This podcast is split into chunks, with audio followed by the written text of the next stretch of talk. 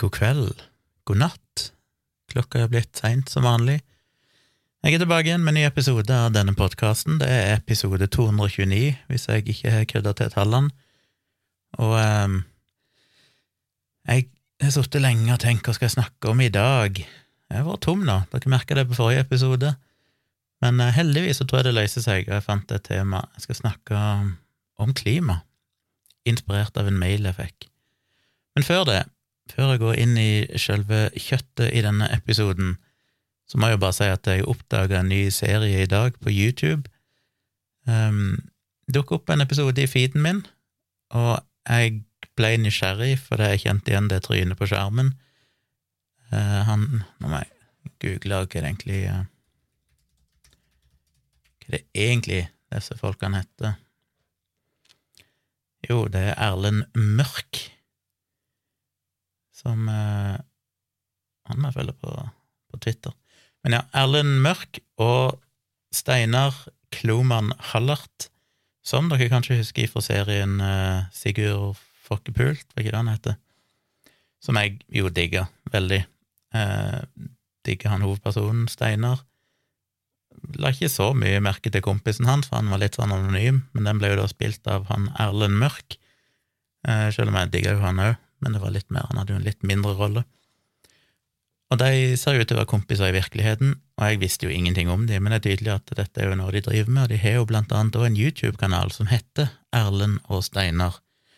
Og så vidt jeg kunne se, det eneste de har lagt ut der, er en serie som har gått nå fram mot valget, som heter Erlend og stortingsvalget. Og konseptet der det er at det er litt sånn eh, et slags talkshow, der Erlend Mørk er hovedpersonen, og så Steinar og en annen dude som jeg ikke catcha navnet på, som er litt sånn sidekicks. Og det er litt sånn samme opplegg i alle episodene, men de har én politiker, helst da primært partilederen for hvert parti, som er inne som gjest, og så skal de da snakke med partilederen for å liksom opplyse folk om hjelpe dem med å finne ut hva de skal stemme ved valget. Og nå er jo valget vel overstått, og vi vet hvordan det gikk, men, eh, men det var veldig, veldig bra, rett og slett. Jeg var litt sånn skeptisk til å se det, for jeg tenkte sånn åh, blir dette bare kleint? Men det er jo så bra at det er jo en skandale at ikke dette er gått på TV, at dette kun finnes på YouTube og har en sånn 30 40 50 000 visninger per video, som jo ikke er, som er bra, men ikke er all verdens. Eh, til og med jeg har hatt videoer med flere enn så mange visninger. Så de fortjener definitivt flere visninger, og det var god underholdning, og det er morsomt, og det er smart, og jeg ble rett og slett bare dypt imponert. Tenkte hver, hver ny episode Nei, den dårligste episoden var vel den med Jonas Gahr Støre, som var deres første. Jeg har ikke sett de kronologisk, og jeg har bare sett de etter hvert som de dukka opp på YouTube-feeden min, så jeg så vel den med Jonas Gahr Støre som nummer tre, eller noe sånt. Jeg syns jo de to andre, som egentlig kommer seinere i sesongen, de to jeg så først Den første var med med eh, den godeste Hvorfor er jeg så ekstremt dårlig til å huske navn?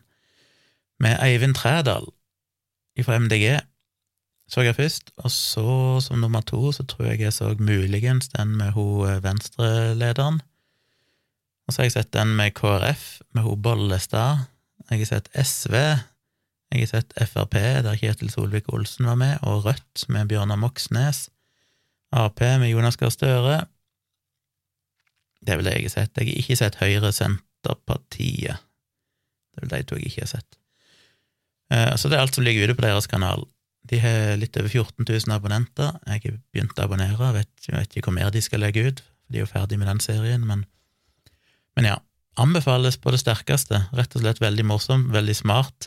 Overraskende smart. Eh, det er sånn Ja, jeg blir bare imponert over hvor morsom han Erlend er, eh, når du følger med på alt som blir sagt, er det noen skikkelig smarte, sånn små ting som blir sagt, som man kanskje ikke tenker over før du tenker deg om. og da merker en at oi, shit, det var jo ganske Den glei fort forbi, men den var temmelig morsom og smart. Så veldig kult, og kult av partilederen, eller de politikerne, da, å stille opp. Og jeg liker jo formatet. Jeg syns jo Steinar han er jo basically Sigurd i Sigurd Fokkepult. Jeg vet ikke om det er sånn han alltid er, eller om det er en karakter han spiller. Men de er veldig velprodusert, rett og slett. Eh, Steinar og han andre sidekicken de har liksom laga et lite innslag i hver episode, som jo er der Steinars alle sin, hans innslag er basically at han filmer seg sjøl mens han ringer i mobilen, basically kødder ringer til noen, som er alltid sånn vondt å se på, for du får så vondt av den personen i andre enden. Og han andre, han eh, har lager alltid en sånn liten videosekvens som basically består av masse kjappe videoklipp og sånn, og så forteller han en absurd historie som da skal lede over på et eller annet spørsmål til politikeren, som er bare ja, ofte mindre relevant. Men veldig, veldig kult, det, og det, det bringer meg jo Nei, det gjør det ikke, så det skal jeg ikke si, men eh, anbefales. Så sjekk ut eh, YouTube-kanalen Erlend og Steinar, og der finner dere denne serien, da, Erlend og stortingsvalget. Mitt inntrykk av politikerne så langt er jo at Jonas Gahr Støre var egentlig bedre og kulere enn det jeg hadde trodd. Syns han var flink. Bjørnar Moxnes han starta ganske kuk. Første minuttene så er han temmelig uspiselig, men det tok seg vel litt opp igjen. Kjetil Solvik-Olsen var heller ikke så verst, faktisk, i FrP. Han var jo ganske laidback, og selv om han selvfølgelig sier ting jeg syns er fullstendig idiotisk, så, så var jo han en, en grei gjest. Uh, syns kanskje SV-historien, SV-episoden, og kanskje den med Venstre var noen av de beste. Var kul, den med MDG òg, for så vidt. Og den med MDG ble jo høyst relevant for temaet i denne episoden, for han sa noen ting der som jeg ikke hadde tenkt på før. Og så begynte jeg plutselig å researche det jeg skulle snakke om i episoden i dag, og så fant jeg plutselig oi, shit, det var jo det Trædal snakker om, og da fikk jeg jo plutselig sånne utilsikta koblinger i hodet mitt. Så det anbefales. Um, som jeg òg nevner, jeg hører jo på en podkast som heter More or Less Behind the Statistics, som blir utgitt av BBC Radio, og den ble jeg tipsa om av uh, Erik Arnesen, i en livestream, tror jeg, en gang for lenge siden. Begynte å høre på den, tror jeg jeg nevnte den før, muligens, men den har stort sett episoder som varer kanskje rundt åtte-ti minutter, så er det av og til noen som varer 20-30 minutter. Jeg har ikke helt skjønt konseptet her, jeg føler at noen av episodene inkluderer andre, så det er mulig at de har noen lengre episoder som òg inkluderer noen av de kortere, så jeg vet da søren, jeg hører iallfall gjennom de. Og de, som tittelen tilsier, så er det basically en podkast om tall, et eller annet tall eller statistikk som har vært aktuelt i media siste uka, som de da tar opp og drøfter. Og jeg elsker jo sånne ting som er som er sånn uh, shit, det hadde jeg ikke tenkt på. Og det dukker opp i den episoden jeg hørte i dag, som ikke er den aller nyeste, men jeg er jo på etterskudd med alle podkaster, men det er en relativt ny podkast der de Og dette her tar jeg bare på sparken og ut av hodet mitt, så det blir ingen gode detaljer, men det var en eller annen tweet som var skrevet av en eller annen britisk dude, en journalist, som vel i korte trekk sa at eh, nye data viste at fullvaksinerte eldre i Storbritannia faktisk hadde høyere risiko for å bli smitta av covid-19 enn det uvaksinerte hadde. Og det høres jo rart ut, og det er jo påstander vi har hørt fra folk som er kritiske til vaksinene, og som regel er jo svaret på det, denne her base rate policy. At du ikke tar hensyn til hvor mange som er i de forskjellige gruppene. Sånn at etter hvert som flere og flere blir vaksinert, ja, så vil jo de aller fleste som blir smitta, være vaksinerte. Fordi det kommer et punkt der selv om risikoen for å bli smitta er mye lavere hos vaksinerte, så utgjør de så mange flere enn uvaksinerte at det absolutte tallet av smitta fortsatt kan bli høyere. Som jeg har sagt mange ganger før, i det ekstreme tilfellet, hvis 100% av befolkningen er fullvaksinert, vil jo 100% av smittetilfellene oppstå i vaksinerte, fordi vaksinen ikke er 100% effektiv. Det vil alltid være noen som kan bli smitta. I teorien så er det ikke så enkelt heller, for hvis 100 var vaksinert, vil det basically være nesten umulig å bli smitta, for da er det ikke noe virus som sirkulerer i befolkningen. Um, men det kommer litt an på viruset, hvor smittsomt det er og sånn. Hvis vaksinen er bare 80-90% effektiv mot delta-varianten, så kan det være at det ikke er godt nok til å få flokkimmunitet selv om alle var vaksinert, men det tror jeg vel det. Jeg vet ikke om de lærde strides vel ennå hvor den grensa går hen. Og så vil det jo være folk som kan reise til utlandet, plasser der det er færre vaksinerte som blir smitta, ta det med seg tilbake igjen, men det vil jo da i praksis egentlig ikke kunne smitte andre likevel, fordi ja, alle som er vaksinerte, vil jo være en eh, menneskelig mur mot at viruset får spredd seg. Men sånn teoretisk sett er jo det prinsippet. Så hvis 90 eh, er fullvaksinert, og eh, vaksinen fortsatt gjør at 10% kan bli smitta, fordi den bare er 90% effektiv, så kan jo fortsatt det bety at det blir flere smitta hos de vaksinerte enn de 10% som ikke er vaksinert. Så det er jo base rate policy som veldig mange går i, og som jeg har blogga om flere ganger, og som vi ser gang på gang. Men da de så nærmere på dette, så viste det seg at dette var faktisk ikke base rate fallacy, fordi det handla ikke om hvor mange som ble smitta uh, ifra Ut ifra Hva var det? Ja, de fant i hvert fall ut at det var ikke det som var greia. Det viser seg derimot å være litt mer komplekst, og det var det som var så utrolig interessant, for det er liksom bare enda en ting en ikke tenker på. For hadde noen kommet med den til meg og sagt aha, hva har du å si til dette, så ville jeg nok intuitivt ha gått til base rate fallacy og begynt å argumentere ut fra det, eh, med mindre jeg hadde hatt mulighet til å sette meg skikkelig inn i dataen og sett at hm, det stemmer visst ikke allikevel. Det som er greia her, er at for å finne ut andelen av de smitta, så må du se hvor mange smitta det er i hver gruppe, og så eh, si, dividert på hvor stor gruppa er, hvor mange som er i den gruppa.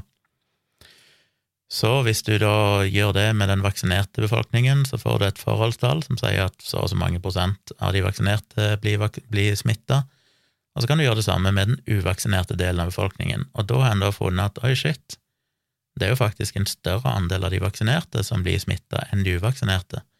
Betyr det at eh, vaksinen faktisk gjør deg mer utsatt for smitte? Betyr det at folk blir syke av vaksinen, de får covid av vaksinen, hva i all verden betyr dette? Og så viser det seg at svaret er rett og slett at vi ikke vet hvor mange som er uvaksinert, eller de visste ikke det i England.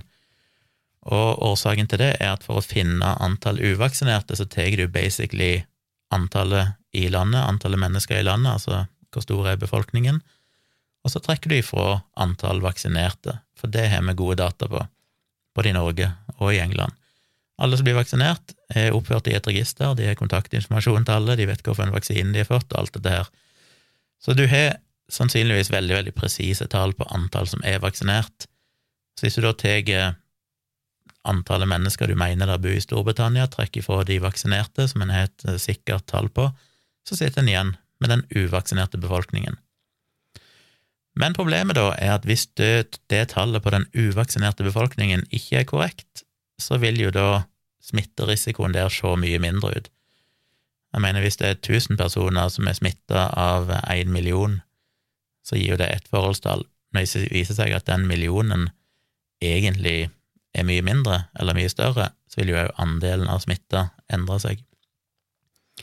Så det de fant ut, da, var at eh, de som hadde lagd disse dataene, hadde basert befolkningen egentlig på de samme dataene som blir brukt til å organisere vaksineringen, eh, og der tar de egentlig bare alle navnene som er registrert hos leger i England, og regner det som befolkningen, og da får de et tall. Problemet med det tallet er at mange mennesker er jo registrert hos flere leger, de kan være oppført flere ganger, og dermed ender du egentlig opp med en eh, større befolkning enn det der egentlig er. Så la ikke si du kom fram til at det var, bare for å ta et random tall som er rundt og fint, ti millioner mennesker, og så trekker du fra de vaksinerte, la oss si 80 er fullvaksinert, da sier du at det er 8 millioner, så kan en da anta at å ja, da er det 2 millioner uvaksinerte. Og hvis eh, x antall tusen av de er blitt smitta, så kan du regne ut hvor risikoen er. Men hvis den andelen, da, hvis befolkningen egentlig er mindre enn 10 millioner, la oss si at eh, halvparten, eller at alle er dobbeltregistrert, og du sier da at ja, da blir det helt feil, for det vil ikke bare være den uvaksinerte befolkningen, men La oss si at det var sånn, sånn at det egentlig kanskje bare var ni millioner mennesker, så vil det jo være sånn at det bare er én million uvaksinerte. Og da vil jo andelen smitta i den uvaksinerte befolkningen være mye, mye høyere. Da blir det jo, la oss si 10 000, for å ta et random tall, av én million istedenfor 10 000 av to millioner. Så det så ut til å være løsningen, for de har jo andre data på innbyggere i England, og når du bruker de tallene, så finner du ut at risikoen var vel minst dobbelt så høy for å bli smitta hos de uvaksinerte enn hos de vaksinerte. Men det er sånne ting som gjør sånt vanskelig. Eh, nå endte jo heldigvis til slutt eh, denne journalisten, som er en seriøs journalist som ikke driver og kødder, ikke noen vaksinemotstander, men han sletta tweeten sin, og avisen kom vel med en beklagelse og sa at dette var misvisende. Og den rapporten han siterte ifra, hadde vel til og med nevnt dette problemet et eller annet sted, men det var godt begravd ned i teksten og ikke lagt så mye vekt på, men det var vel påpekt at du kunne ikke bruke disse dataene til å si noe om risiko, fordi eh, det var usikkert, det kom helt an på hvilket tall for befolkningen som ble brukt, lagt til grunn. Men det viser jo hvor vanskelig det er med sånne ting, og hvor mye oversikt du må ha, og hvor mye arbeid det krever av og til for å debunke sånne påstander fra vaksinemotstandere, som kan få mene når de plukker opp det, så er det klart de sprang jo med det med en gang, og det var sånn å, se her, det er farligere å være vaksinert enn å ikke være det. Og så må man jo virkelig gjøre en jobb og finne ut ok, hvorfor viser dataen dette, for vi har jo andre data som viser veldig tydelig at vaksinene virker veldig godt, beskytter mot smitte og enda mer mot alvorlig sykdom og død, så hvorfor, eh, hvorfor er de tallene sånn som de er? Og det er jo krevende. Og da, er, da kan en fort bli svar skyldig og si shit, eh, jeg vet ikke. så derfor er det interessant å høre på den podkasten, da, fordi da lærer jeg sånne ting. Men det er jo en ting å huske på, at eh, alt igjen å si, og det skal ikke, som de har påpekt, at det skal ikke så mye endringer, nå brukte jeg et ekstremt eksempel der du halverte den uvaksinerte befolkningen fra to millioner til én million, men du trenger langt på nær så store endringer. Det skal ikke så mye endringer til, usikkerheter i de tallene, før du faktisk ender opp med en ganske dramatisk endring. Og det er jo fordi at den uvaksinerte befolkningen blir jo mindre og mindre, og jo mindre befolkningen er, jo større effekt har det jo når det tallet endrer seg. Når det blir nevneren i brøken, så vil jo det ha ganske store utslag. Så det syntes jeg var interessant. Følte bare for å dele det, for det ga meg en sånn god følelse av den episoden, for jeg elsker jo sånne ting.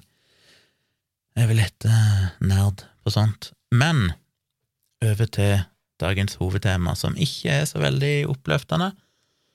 Men jeg fikk en mail for uh, ja, nå er det jo blitt lenge siden, seks uker siden, omtrent. Så beklager, sju uker siden nesten. Beklager for at jeg ikke har svart på den tidligere. Jeg har fått en mail fra en som kaller seg Sondre. Og han har skrevet en lang mail til meg. Og jeg føler nesten jeg må lese hele mailen for å legge grunnlaget for det jeg skal snakke om. Um, det føles ikke riktig å bare oppsummere det veldig fort.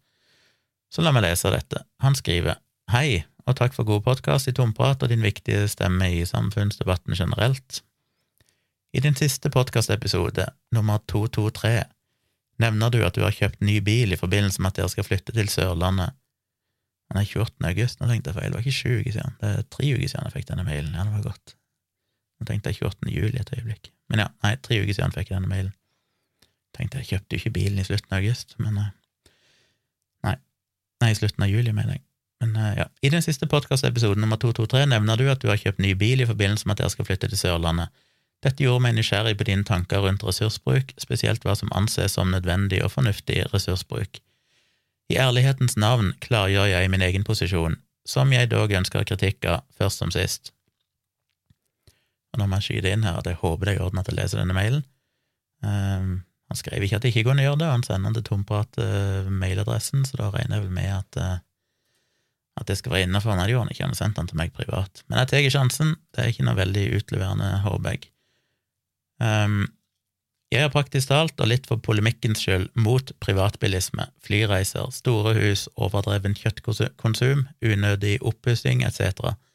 Sagt på en annen måte er jeg for en bærekraftig livsførsel.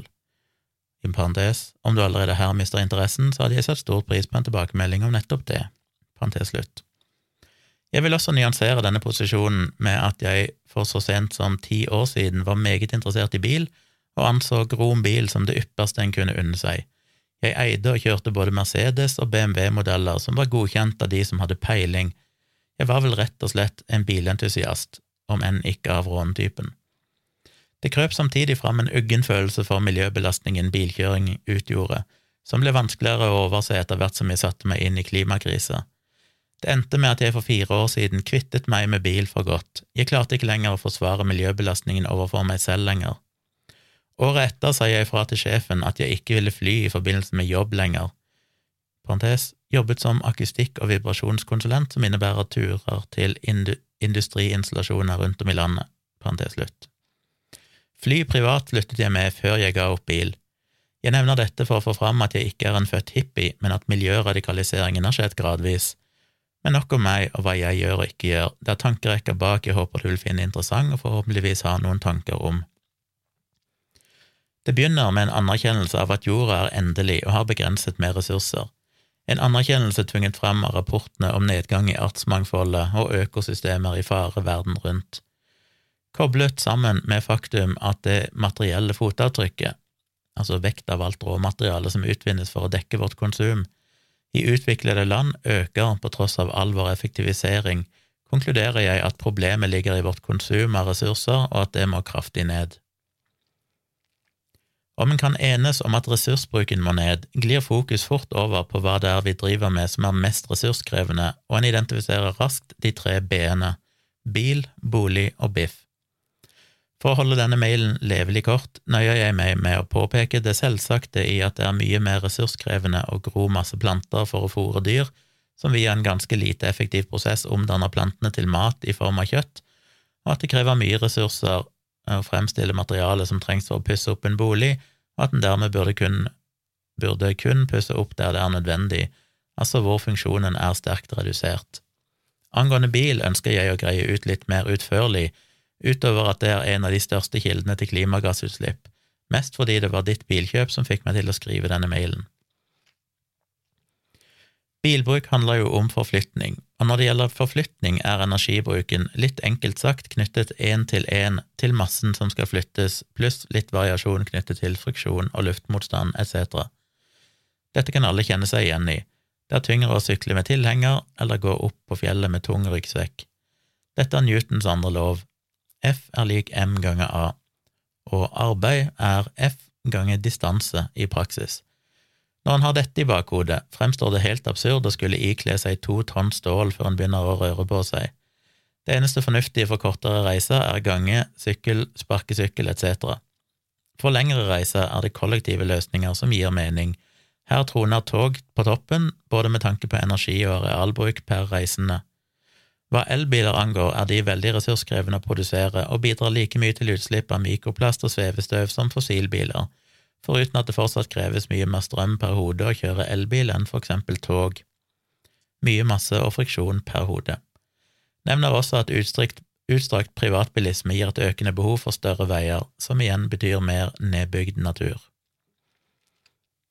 Med det ovenstående i bakhodet konkluderer jeg at privatbilisme ikke er forenlig med en ressursbruk i tråd med hva økosystemene tåler, og dermed burde avvikles.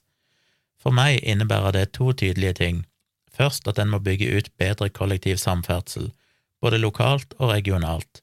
Det er jo ganske sprøtt at en ikke har dobbelt jernbanespor engang mellom de største byene i Sør-Norge, samtidig som det bygges arealkrevende motorveier med fartsgrense 110 på strekninger som konkurrerer med jernbanen eh, gjennom lågdeltaet, for eksempel.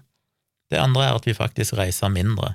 Det er ikke til å komme unna at privatbil muliggjør en mye høyere hyppighet av lengre reiser. Det er med privatbilen folk kan kjøre til hytta på fjellet annenhver helg, eller dra til Sverige for å spare penger på kjøtt, sukker og alkohol, noe jeg har gjort meg skyldig i selv flere ganger tidligere. Den muliggjør rett og slett en ressurskrevende livsstil som ikke er bærekraftig, uavhengig om den går på el eller ikke. Avslutter med å si jeg her har brukt bilen som ett av mange eksempler på praksiser vi, vi bedriver som er unødig ressurskrevende. Jeg har ingen forestillinger om at alt er løst bare vi slutter å kjøre bil, men er overbevist om at det må vi gjøre om vi skal få regnskapet til å gå opp. Nevner også at jeg legger til grunn at vi må, vi må sikte på å ha en ressursbruk på et nivå forenlig med at alle menneskene på jorda hadde den samme ressursbruken uten at økosystemene kollapser. Om du har noen tanker rundt dette, hadde det vært veldig kult å høre fra deg. Ønsker deg for øvrig lykke til med flyttinga. Og så, dagen etterpå, fikk jeg vel en ny mail av han, der han bare skrev uh, Hei, han gikk litt fort i svingene da jeg skrev denne i går mens jeg hørte på podkasten. Det er ikke meningen å fremstå fordømmende eller noe slikt, det er bare interessert i innspill rundt vår ressursbruk og tanker rundt hvordan den er bærekraftig fra oppegående folk legger ved en artikkel som gir litt kontekst for påstandene vedrørende vår ressursbruk. Den diskuterer muligheten for grønn vekst og tar i den forbindelse for seg utviklingen i ressursbruk i vestlige land, i tillegg til en oversikt over mer og mindre kvalifiserte prediksjoner på temaet. Link til artikkelen om du er skeptisk til filer fra fremmede, for den fikk jeg både som link og som PDF. Så Det var en, eh, en god mail, og den fortjener et svar. Jeg har dårlig samvittighet for ikke å ha tatt det før, men eh, jeg vet ikke, jeg har ikke følt jeg hadde helt hodet med meg og tid.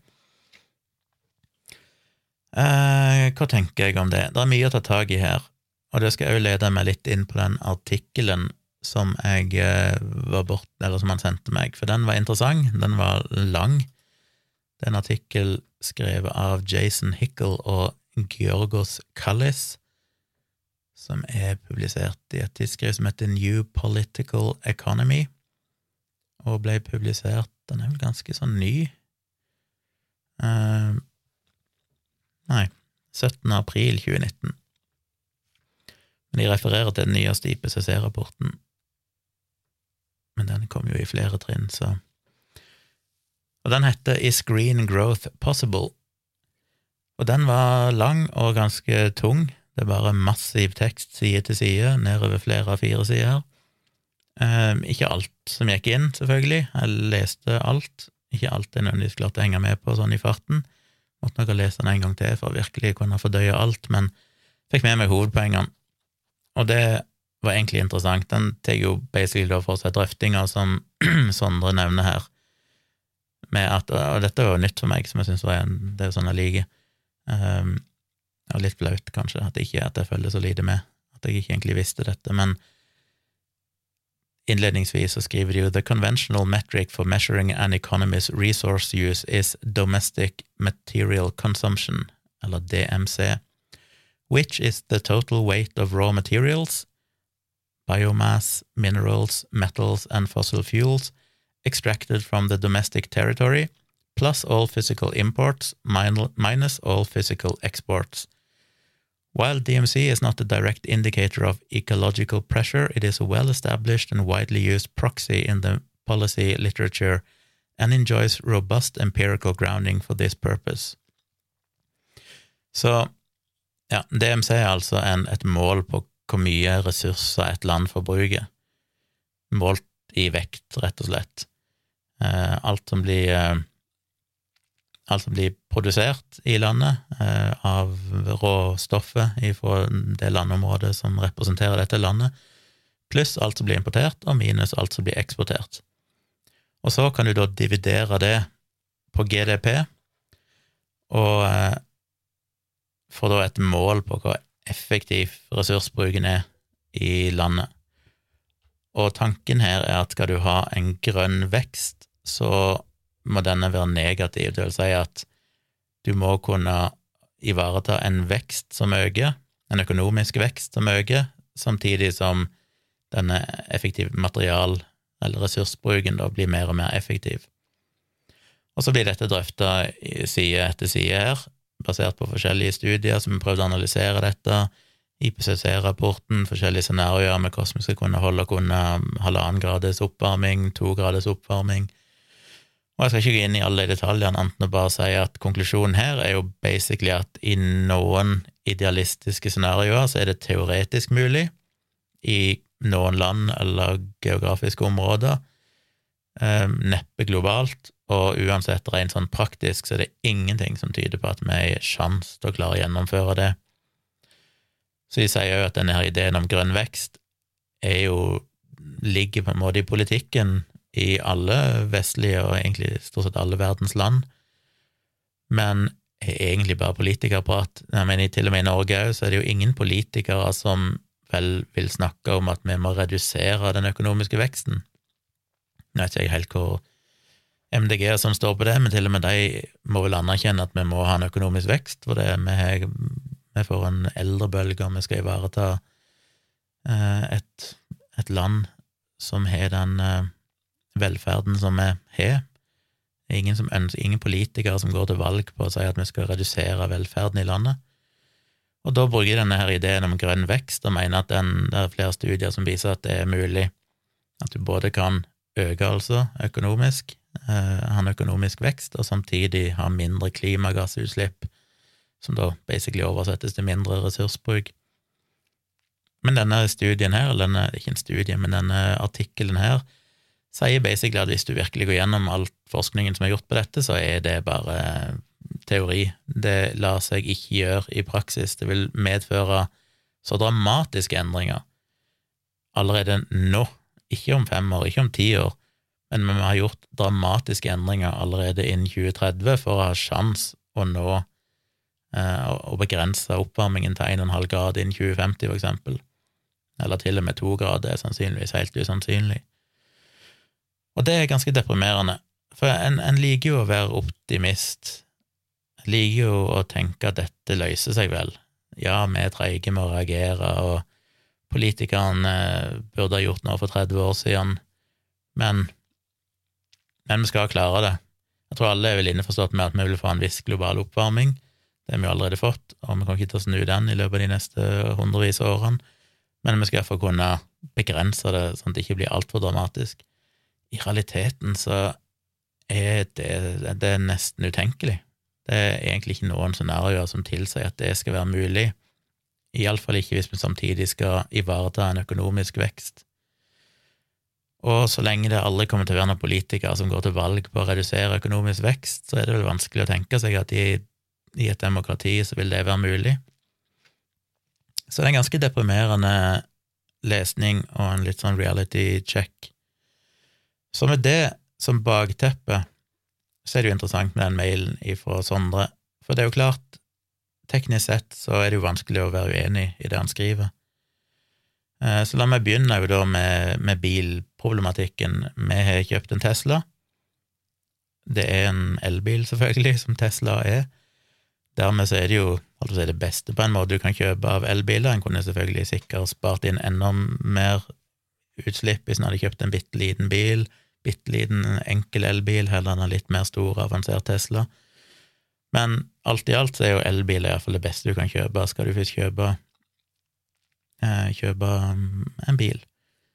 Så jeg har jo følt meg ganske vel med det og tenkt sånn ja, ja, vi kjøpte meg en elbil, det er jo en god ting. Jeg, tenke, jeg kunne ikke tenkt meg å kjøpe noe annet enn en elbil, iallfall ikke i det lange løp. Så det ble elbil, og det er jeg fornøyd med. Så kommer jo da Sondre og sier at ja, det er greit nok, men det å ha bil i seg sjøl er et problem, fordi det medfører en økt ressursbruk. Og det har han jo rett i. Og da sier han at det eneste gjennomførbare er jo å ikke ha bil, bruke kollektiv transport, bein, sykkel, og han har jo sjøl tatt konsekvensene av det, endra sin egen livsstil, slutta basically med det han mye av det han har gjort i jobben sin og sånn, slutta å fly privat og sånn, som det står all, all respekt for det. Så jeg begynner å tenke på mitt eget liv, da. For en, en vil jo gjerne tenke det, altså tenke sånn hvor skyldig jeg er, kan jeg forsvare min livsstil? Eh, jeg skal komme med en forsvarstale, så er det jo det, da, som jeg har sagt mange ganger før. Jeg har jo ikke hatt bil nå på tolv år. Uh, Iallfall ikke kjørt bil. Vel, de første to årene hadde jeg en bil stående Nei, første året vel hadde jeg en bil basically stående parkert, men jeg solgte den. Men uh, i praksis har jeg ikke kjørt bil på tolv år, uh, eller vært bileier på tolv år. Så nå kjøpte jeg bil, og det er elbil. Så jeg har jo allerede der har jeg jo litt god samvittighet, og jeg har jo tross alt ikke hatt bil nå på fryktelig lang tid. Jeg har jo bodd i en bitte liten leilighet på Tøyen i ti år, Eh, litt over 40 kvadrat, med fjernvarme. Eh, jeg har et barn, som betyr at jeg eh, går i net minus på befolkningsvekst. Så alle de tingene har gitt meg god selvfølelse akkurat når det gjelder klimaavtrykk. Jeg forbruker lite. Jeg kjøper nesten aldri klær. Går nesten aldri på byen og kjøper masse stæsj. Jeg har lite forbruk generelt sett, det må jeg si. Det eneste som har vært negativt, og det er jo en ting som sannsynligvis knuser alle de positive tingene mange ganger, og det er jo at jeg har flydd mye. Jeg har flydd litt privat, ikke veldig mye, men sikkert omtrent som snittet. Eh, hatt noen utenlandsreiser og sånn. Der òg må jeg si at det var fryktelig mange år, sikkert 20 første årene av mitt liv så reiste jeg jo nesten ingenting, men eh, de siste ti årene så har jeg jo reist årlig minst én gang, og sannsynligvis flere ganger til utlandet. I tillegg så har jeg flydd mye, og det har jo et SAS-gullkort, som er mitt uh, shame card, holdt jeg på å si, som viser at jeg har flydd mye, og det er fordi jeg holdt veldig mye foredrag etter jeg ga ut bøkene mine, og jeg har jo reist ganske mye i forbindelse med jobben, møter med kunder og sånne ting. Så flyklimagassutslippet mitt er veldig, er veldig, veldig svart og shady. Etter pandemien kom, så har jeg jo basically ikke flydd. Jeg har hatt én eller to turer i løpet av det siste halvannet året, så det var veldig lite. Kommer det til å øke igjen mye? Neppe, fordi jeg tenker litt annerledes om det, litt på lik linje med Sondre, og eh, pandemien har òg endra en del i samfunnet, som jeg tror er en god ting. Det blir spennende å se hvordan flytrafikken bygger seg opp igjen, om den går tilbake til normalen, eller om den kommer til å forbli litt lavere. Men én ting er jo det at møter med kunder, for eksempel, kommer vi i veldig liten grad til å gjøre face to face hvis ikke det er absolutt nødvendig. Og da kan en jo si hva er absolutt nødvendig? Vel, hvis det er opp til meg, så hadde jeg jo aldri gjort det men i realiteten så kan vi risikere å ikke få en kunde hvis de vil ha et møte med oss, og vi sier nei, det gidder vi ikke. Eh, og det er såpass kritisk at vi får kunder. Vi skal overleve økonomisk som bedrift. Hvis vi bare sier at ja, ja, hvis ikke dere aksepterer det, så fuck you, det, det har vi liksom ikke råd til. Vi er nødt til å få de kundene vi kan få. Men jeg vil jo så langt jeg kan prøve å få de over det vi har gjort det siste året, selvfølgelig, og kommer til å fortsette med det i mye større grad, gjøre de via nettet. Og vi har allerede gjort det nå i det siste, ganske mye sånn kundemøter som vi bare gjør via nett, og det, det håper jeg jo mange gjør. Og det har jeg vel snakka litt om tidligere, dette her med at Jeg vet ikke hva statistikken er på det, den vil jeg gjerne se, det er mulig den finnes der ute, men hvor mye av innenlandsreise er det som er i firmasammenheng? For jeg syns alltid det er viktig å skille mellom firma og privat. Én ting er det private ansvaret du skal ta, en annen ting er jo at det er lettere å regulere det som skjer innenfor næringslivet. Så jeg skulle jo nesten ønske at det ble forbudt, eller at det ble iallfall lagt en eller annen ekstrem avgift på nettopp sånne firmareiser, fordi mens en privatreise selvfølgelig er jo ofte bare ferie og fritid og ikke strengt tatt nødvendig, så er det mange av de som, som, handler om at folk skal treffe familie, og det er liksom nødvendig på en litt annen måte. Mens firmareiser tror jeg nok Jeg hadde ikke overrasket meg om en betydelig majoritet av alle sånne innenlands firmareiser som blir gjort, er reiser som ikke egentlig er nødvendige, som kunne vært gjort via Skype. For jeg mener, tenk hvor mange folk, tusenvis av mennesker hver dag i Norge, som flyger fra Oslo til Bergen eller Oslo til Trondheim, og så tilbake igjen på ettermiddagen. Det er bare sånn fram og tilbake for de skal ha et møte med noen. Og jeg vil jo tro at de aller fleste av de turene der kunne vært ditcha. Så jeg tror jo, når det gjelder næringslivet, det er jo det jeg snakka om før òg, når det gjelder kildesortering og liksom alt dette her, så er det jo alltid veldig my lagt veldig mye fokus på hva vi som privatpersoner bør gjøre med kildesortering og resirkulering og sånn, mens til syvende og sist så er jo majoriteten kommer jo fra næringslivet og industrien. Og jeg har kanskje følt at jeg har sluppet litt billig unna. Det har vært en slags idé om at hvis vi bare kildesorterer hjemme på kjøkkenet, så har vi løst klimakrisa omtrent. Eh, mens det egentlig bidrar fryktelig lite sammenlignet med næringslivet, som burde vært regulert mye hardere på det området. Og det er det jo blitt, det er jo strenge krav der òg, men kanskje ikke nok. Så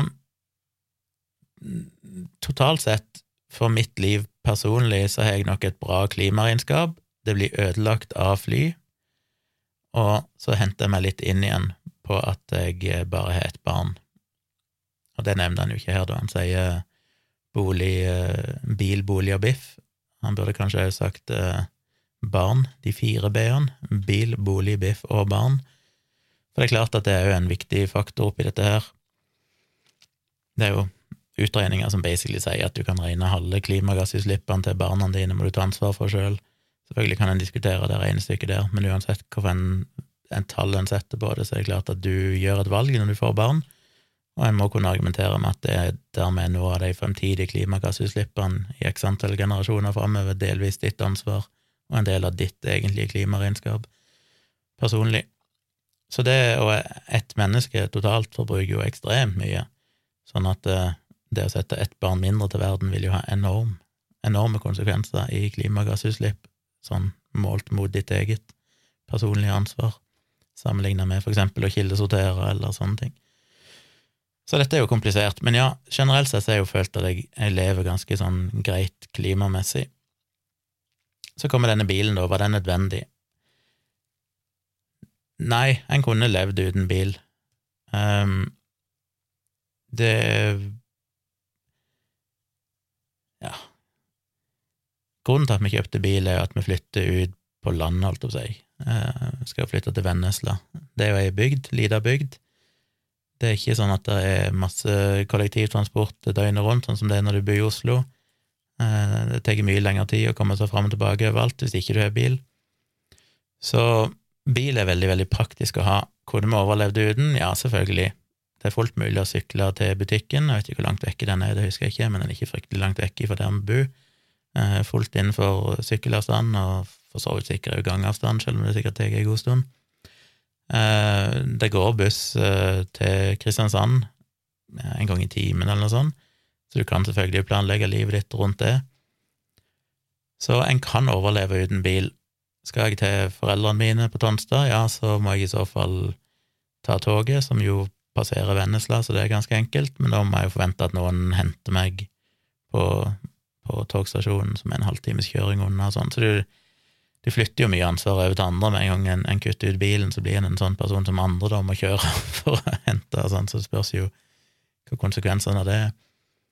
Eh, for jeg kan ikke sykle til Tonstad, jeg kan ikke gå til Tonstad, så det er jo noen sånne turer som er basically umulig. Så jeg syns jo det er veldig bra at hvis du absolutt ikke Hvis du mener at du kan klare deg uten bil, så bør du leve uten bil. Og jeg kunne klare meg uten bil da jeg bodde i Oslo. Jeg kunne klart meg uten bil på Vennesla, men det ville gjøre ting mye vanskeligere. Én ting er det dagligdagse, å shoppe, hente dattera mi, eh, kjøre på besøk til familie og sånne ting. En annen ting er jo jobbmessig, for litt av mine tanker er dette her med at jeg ønsker jo å satse en del på dette med foto, og da blir det veldig vanskelig for min del å ikke kunne kjøre på forskjellige oppdrag jeg får. Um, er det umulig? Nei, det går an å planlegge sikkert der òg, det går sikkert an å finne busser og sånn som stort sett kommer seg fram der du skal, i all hovedsak. Ikke alltid, det er selvfølgelig alltid noen sånne unntak, da kan en sikkert ta en taxi når det er unntak, men uh, det blir jo fort dyrt igjen. Og, så igjen, det er sånn, ja, i sin ekstreme konsekvens så kan du klare deg uten, men da ender du opp med å måtte avheng, bli avhengig av andre i en del situasjoner, så du på en måte flytter litt av Du kjøper deg fri for ansvar, men egentlig pusher du en del ansvar over på andre. Og det vil gjøre ting mye mer komplekst, og en Ja, det er ikke, det er ikke veldig praktisk. Men det er ikke en god nok et godt nok forsvar i den forstand at med tanke på hva vi står overfor av klimakatastrofe, så så burde en jo egentlig sagt at ja, men, men, sånn er det, jeg er nødt til å klare meg uten bil. Og så er det mange andre måter å se det på. Ok, vi kjøpte en bruktbil, for det første. Teknisk sett så har ikke det ført til ny ressursbruk. I praksis gjør du selvfølgelig det til en viss grad, for det, du må ha reparasjoner, du må ha nye dekk i ny og ne. Eh, på et eller annet tidspunkt, hvis du har bilen veldig mange år, så må du kanskje bytte ut batterier og sånn, og det er jo en, en belastning for klimaet. Så det er jo selvfølgelig aspekter der òg, og det er klart selv om du kjøper en brukt bil, så er det alltid noen andre der ute som ender opp med å kjøpe en ny en, så du flytter jo bare igjen ansvaret lite grann. Men det er jo bra å gjenbruke så mye en kan. Uh, vi kjøpte også en bolig, det er ikke en ny bolig, som er basically gjenbrukt der òg, eh, men det er jo stort sett vanlig. Så jeg vet ikke hva jeg vil med det, egentlig. Jeg, jeg føler vel Jeg er usikker. Det, det, er ofte en prosess, de her tingene. Det er litt sånn som med kjøtt. Nå har jeg ikke spist kjøtt på et par måneder. Det satt langt inne, det òg. Men når du tenker på det og argumenterer med deg sjøl, så ender en kanskje opp Jeg endte opp med en konklusjon til slutt at det var vanskelig for meg å forsvare det å spise kjøtt. Og da, på et eller annet nivå, så føles det feil når det ikke egentlig er noen gode argumenter lenger for, i forsvar for det, og allikevel bare fortsette med det. Så jeg valgte å slutte med kjøtt. Eh, så spiser jeg fortsatt fisk. Spiser fortsatt uh, melkeprodukter, ting som inneholder egg. Så jeg er jo langt på nær noen skyldfri person. Men jeg tenker igjen det er en prosess. Jeg uh, fant ut jeg skulle begynne et sted. Kjøtt var enkelt å kutte. Og så må jeg jo bare la det på en måte den prosessen skjer. Kanskje jeg ender opp med å bli og kutte ut mer og mer av ting. Og kanskje dette er starten på en prosess med tanke på bil og sånn òg. Jeg tror ikke jeg kommer til å selge bilen min i morgen. kanskje om ei tid så finner jeg ut at jo, det er riktig det Sondre sier, det er kanskje best å, å gjøre det, kan kanskje ikke forsvare det. Men så er det jo et eller annet med at ting må ikke alltid skje i det ekstreme. Litt som med at jeg slutta å spise kjøtt. Jeg tror jo hvis de aller fleste hadde slutta å spise kjøtt, i det minste, så hadde vi jo kommet veldig langt, selv om de fortsatt inntok noen melkeprodukter og sånne ting. Eller hvis en stor del av oss slutter å spise kjøtt, så hjelper det en del. Og litt sånn er det jo med bil òg, for det er én ting å ha denne bilen, en annen ting er jo hvor mye du bruker den. Eh, jo mindre bruker den, jo mindre strøm trengs produsert for å fòre bilen min, og vi kommer ikke til å bruke bilen ekstremt mye. Jeg har jo aldri vært en stor bilbruker. Eh, I den tida jeg bodde på Tonstad og hadde bil, så ble det jo kjøring det blir jo, Når du bygde og vokser opp sånn, så er det utrolig hvor lav den blir. Det er jo en sånn ting jeg merker når jeg flytter til Oslo. Når en du kommer til Oslo og ikke har bil, så blir du så mye mer vant til at du må kanskje reise 45 minutter med T-bane og buss for å komme et sted. Eh, eller du ender opp med å gå. Da gikk jeg jo fram og tilbake til jobben min hver dag, som var en sånn 25 minutters gange. Da jeg bodde på Tonstad, så er det jo helt uaktuelt å gå 25 minutter når du bare kunne hoppe inn i bilen. Så det er jo en sånn tankeendring som en må bare venne seg til. Og det har jo vært positivt med å bo i Oslo, at det er jo mye mer naturlig for meg å bare gå alle plasser nå enn det det var før i tida. Um, og jeg er jo òg veldig tilhenger av tog, jeg er veldig enig i det Sondre skriver om, at det er helt absurd. Jeg mener, det er jo en fallitterklæring, føler jeg, at vi i 2021 fortsatt vil bygge ut mer vei heller enn å putte alle pengene i, i bedre tog og det som er mulig å gjøre på den fronten. Uh, og det syns jeg er problematisk òg, at ved å kjøre bil, så, så er du bidrar det jo til det behovet med å bygge mer veier, uansett om du er en elbil eller ikke. Så jeg er jo glad i tog i prinsippet, i praksis syns jeg det er dritt, for jeg syns togturer ofte er veldig ubehagelige, for at eh, norske tog syns jeg er ræva, og jeg har reist mye med tog.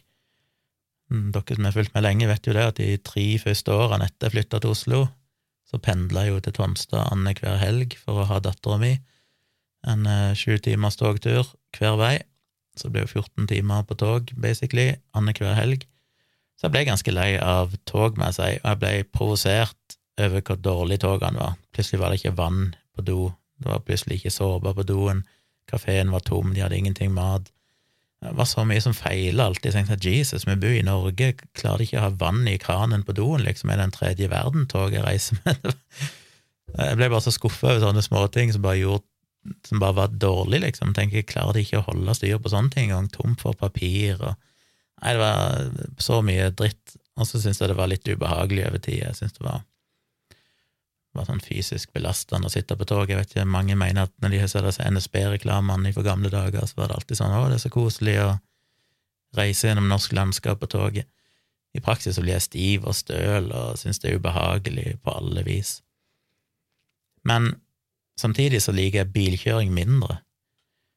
Så jeg har jo sagt det til Tone, at eh, når jeg skal, jeg skal jo reise inn til Oslo en del på fotooppdrag og sånne ting, i den grad jeg reiser alene, så kommer jeg til å ta toget, tror jeg, så mye jeg kan, fordi det er mer praktisk. Jeg kan basically hoppe på toget omtrent der jeg bor, komme rett inn til Oslo sentrum. Hvis jeg kjører bil, så må jeg parkere den en eller annen plass, uh, og det er noe dritt. Hvis jeg skal betale, så koster det mye penger, men jeg har jo noen venner og bekjente som jeg kanskje kan parkere hos, men det er kanskje ikke så sentralt igjen og sånn, og kanskje da må parkere bilen et sted, og så må jeg bytte til en tog eller buss for å komme meg inn til byen. og så så det, det, er liksom mer stress. Det er lettere å bare komme rett inn til Oslo S med toget. Negativt er skal jeg ha med meg mye utstyr, så kan det fort være litt stress å dra med på, på toget. Men stort sett så trenger jeg nok ikke ha med meg mer utstyr enn at jeg kan bære det med meg i hendene på en togtur. Så det, jeg kommer nok til å, å ta tog. Så syns jeg jo det er skummelt å kjøre bil. Jeg kjører, jeg kjører aldri en biltur uten å synes at det er skummelt. Jeg har aldri en biltur planlagt uten at jeg natten før har noen katastrofetanker om eh, bilulykker og, og, død. Jeg føler jo bare bilkjøring i, per definisjon er en risikosport av dimensjoner, så, så jeg føler meg bare mye tryggere på toget. Så jeg kommer nok til å ta tog så mye jeg kan. Problemet der igjen er at Tone ikke er noe glad i tog. Hun blir veldig dårlig av å sitte på tog. Hun blir kvalm, svimmel. Eh, og det er ikke en god ting, så hun vil helst ikke ta tog, så når vi reiser begge to, så får vi jo se. Um, kanskje hun må prøve tog igjen, det er lenge siden sist. Se om det er blitt bedre nå, det er en litt kortere togtur enn å reise helt til Jyland. Kanskje det går, hvis ikke så må vi ta bil når vi skal begge to, for hun takler ikke helt toget. Så det er jo mange hensyn å ta der. Men eh, ja, jeg er 100% for å bruke toget så mye som mulig, og det har jeg jo gjort nå i tolv år. Det har bare vært stort sett føda. Jeg har jo gått mm, ofte i flere uker uten å ha brukt offentlig transport i det hele tatt. Jeg har bare gått overalt rundt i Oslo eh, fram til jeg flytta opp til Haugenstua. Da ble jeg jo avhengig av å ta tog for å komme meg ned til sentrum, men av pandemien så har det jo vært òg her opp til sånn to-tre uker i strekk der jeg bare har hjemme og ikke engang reist ned til sentrum, så, så jeg har ikke brukt så veldig mye offentlig transport heller. Så det var litt av min rasjonalisering rundt det med å ha bil. Det er ikke et motargument til det Sondre sier, men jeg tenker jo at, at det òg handler ikke nødvendigvis bare om å ha bil eller ikke ha bil, men òg det med hvor mye du bruker den. Um, selvfølgelig kommer du ikke unna det at du har forbrukt ressurser ved å kjøpe bilen i utgangspunktet, men du reduserer nå iallfall ressursforbruken ved at du trenger mindre strøm, eller om det så skal være bensin eller diesel. Så det er jo en, en ting å ta, bare være bevisst på at ja, ok, jeg har kjøpt den bilen, jeg mener sjøl at jeg trenger den i en del ting jeg gjør, sånn at jeg egentlig er avhengig av å ha den bilen for å klare å håndtere det å både ha en, en jobb her i et IT-firma der jeg er daglig leder, og samtidig skal ha muligheten til å kunne ta fotooppdrag og komme fram og tilbake fort og sånn, så, så klarer ikke jeg per nå å se noen mulighet for å ikke ha den bilen, men samtidig være bevisst på å bruke den så lite som mulig, ikke bli lat og begynne å kjøre absolutt overalt, men heller prøve å tenke at det går an å, å bruke alternativer. Så i veldig lang tid nå, som sagt i tolv år, så har jo bil og bolig vært veldig basically Eller det har vært null for meg, jeg har ikke hatt bil, og jeg har leid en bitte liten bolig som er veldig miljøvennlig. Biff har jeg jo derimot spist, jeg har spist kjøtt fram til nå nylig, så nå har jeg jo kutta kjøttet, til gjengjeld så har jeg kjøpt bil og bolig. Så det går opp på én front og ned på en annen. Eh, så det kommer ikke bra ut uansett. Men jeg er jo enig i at det jeg tenker rent politisk, er jo at det er et eller annet som er absurd med sånn som samfunnet er bygd opp nå allikevel, litt som Sondre innom. Ja, jeg har bil. Ja, jeg har bolig. Litt usikker på hvor dårlig samvittighet jeg skal ha for de tingene. Men jeg er jo ikke en person som bruker mye penger på bolig. Jeg er jo ikke en sånn person som ville pussa opp og styrt og herja hele tida. Både meg og Tone er jo folk som liker ting enkelt. Jeg tror ingen av dere kommer til å være veldig gira på å gjøre fryktelig mye med den boligen, eh, enten å holde den i stand, eh, sånn som man sier, Sondre, at ting fungerer, og og sånn, men vi skal ikke drive med noen store oppussingsprosjekter eller utbygginger og sånne ting. Så det må vi nesten ha. Ja, hva er det jeg skulle si? Bil, bolig og biff um, Shit, jeg glemte det. Jo, politikk. Men jeg kommer jo aldri til å kjøpe meg ei hytte, det kan jeg ikke tenke meg. For det første kan jeg ikke skjønne at jeg noen gang skal ha råd til det. Jeg skjønner ikke hvordan mennesker har råd til å kjøpe til å ha to hus eller ei hytte eller flere biler og alt mulig sånn. Eh, det, det, virker nesten utenkelig. Men vi lever i et samfunn som på ingen selvs måte straffer det. Og så er det dette med reising. Meg og Tone er glad i å reise. Det er en ting som er ekstremt verdifullt for meg. Ikke nødvendigvis de her men det å kunne reise til andre kulturer, og oppleve andre deler av verden. Det er nok det som sitter lengst inne for meg, som er litt trist, for det er jo en av de tingene som definitivt er, det største klimaavtrykket. Og det er nok der jeg må gå mest i meg sjøl for å kunne finne ut av hvordan kan jeg løse det problemet eh, med god samvittighet, i den grad det i det hele tatt er mulig. Og da begynte jeg å tenke på hvordan kunne vi Hvorfor har vi et samfunn som på ingen slags måte straffer de her tingene? Til en viss grad så vil de jo bli straffa gjennom at, eh, at, CO2 blir dyrere, um, som òg da sannsynligvis vil føre til at flybilletter blir dyrere og alt dette her. Men det føles jo på en måte som at det burde vært en slags kvote inne i bildet her. Um, nå er ikke dette økonomisk gjennomførbart, men sånn hypotetisk sett så burde det nesten vært sånn at alle mennesker i Norge fikk 100 000, eller fikk 20 000, eller 50 000, eller et eller annet sånt, i året, som var reisekvoten. Og hvis ikke du bruker dem på andre ting, ja, så får du beholde de pengene, men det er kun det du er lov å reise for. Du får ikke lov å bruke andre penger til reising, det er den kvoten du er, og hvis du ikke bruker den, så får du en belønning fra staten gjennom at du får beholde de pengene. Hvis du bruker de opp på reising, ja, så er du brukt de opp på reising. Det er klart det vil ikke fungere, for det vil være urettferdig for folk som har nødvendige reiser, kontra folk som er unødvendige. Det vil slå verre ut for folk som er mindre dårligere økonomi enn de som er god økonomi og sånn. Men dere skjønner prinsippet. Altså et eller annet som Et eller annet tiltak, om du gjorde det gjennom skatteseddelen på en eller annen måte Altså, vi må finne en måte som gjør at, at det skal straffe seg, på et vis, og, og gjøre ting som er Og den beste måten de har funnet ut så langt, er vel dette her med, med avgifter på CO2. At det er dyrere, sånn at det har en direkte kostnad med alt som slipper ut klimagasser. Jeg er bare litt redd for at det blir for usynlig på et vis, at folk bare, at det blir bare en del av, av det ting koster på et vis, at det ikke er nødvendigvis i samme grad noe vi merker, jeg vet ikke. Vanskelig å si, men jeg er iallfall enig i prinsippet om at det burde være, som jeg snakka om før, og hamra ned i bordet på NRK Debatten og sånn, jeg debatterte der, så, så er det jo det absurde for meg at jeg da har bodd på det tidspunktet når jeg var i debatten, så bodde jeg i den lille leiligheten på Tøyen, jeg hadde ikke bil, jeg hadde bare ett barn, men det er ingenting i Norge som belønner meg for det.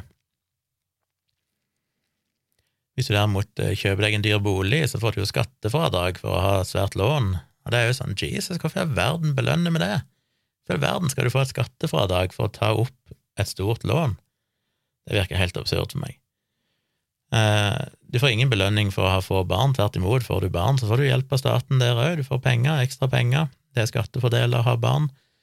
Um, ikke at det lønner seg, men det gjør det lettere, det er et insentiv for at det skal være mer økonomisk overkommelig å få barn. Og ja, jeg skjønner at det er òg komplekst, hvis du fjerner det, så kan det bli, bli urettferdig med de som er mindre god inntekt, kontra de som er god inntekt i utgangspunktet og sånn, men poenget er at i prinsippet så er det en slags belønningsprosess her for å forbruke mest mulig. Det er jo rent sånn psykologisk at vi ser jo på folk som har hus og ei fin hytte og to biler og tre barn, som vellykka mennesker. Jeg har jo sjøl folk i vennekretsen som har tre og fire unger og hus og et par biler, og det er jo liksom de vellykka menneskene, de som har klart seg bra. Mens jeg som bodde som singel i en bitte liten leilighet uten noe bil og sånn, jeg fremstår jo mer som en uh, lasaron som ikke som ikke utstråler noen ting, liksom 'dette, jeg er vellykka, jeg har klart meg'. Eh. Og det er et eller annet med det òg, at vi har en slags idé om at det med å ha et høyt forbruk er knytta til en form for sosial suksess. Du har lykkes i livet.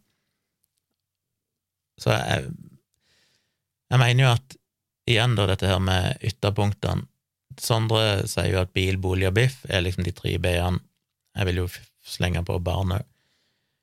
Men én ting er jo å ha én bil, for eksempel en elbil, å ha en enkel bolig som vi skal ha, og vi spiser ikke kjøtt nå og noe, og vi går på negativen når det gjelder barn.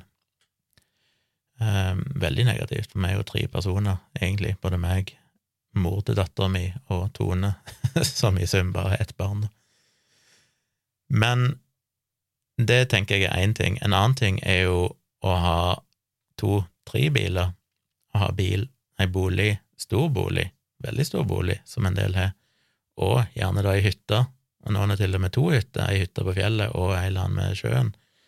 Eh, de har kanskje en båt òg, det er ikke så uvanlig at folk har en båt, um, og de har gjerne to, tre og fire barn. Og det er et eller annet med det, da, at det burde vi ikke rett og slett på et eller annet tidspunkt Hvorfor skal det være lov å ha ei hytte?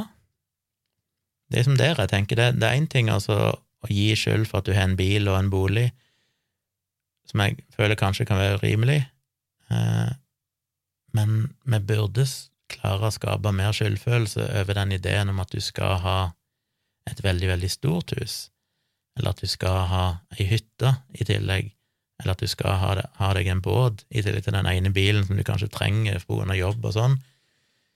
Det er et eller annet med det, da, at på et eller annet tidspunkt så er det rart at det i det hele tatt skal være lov.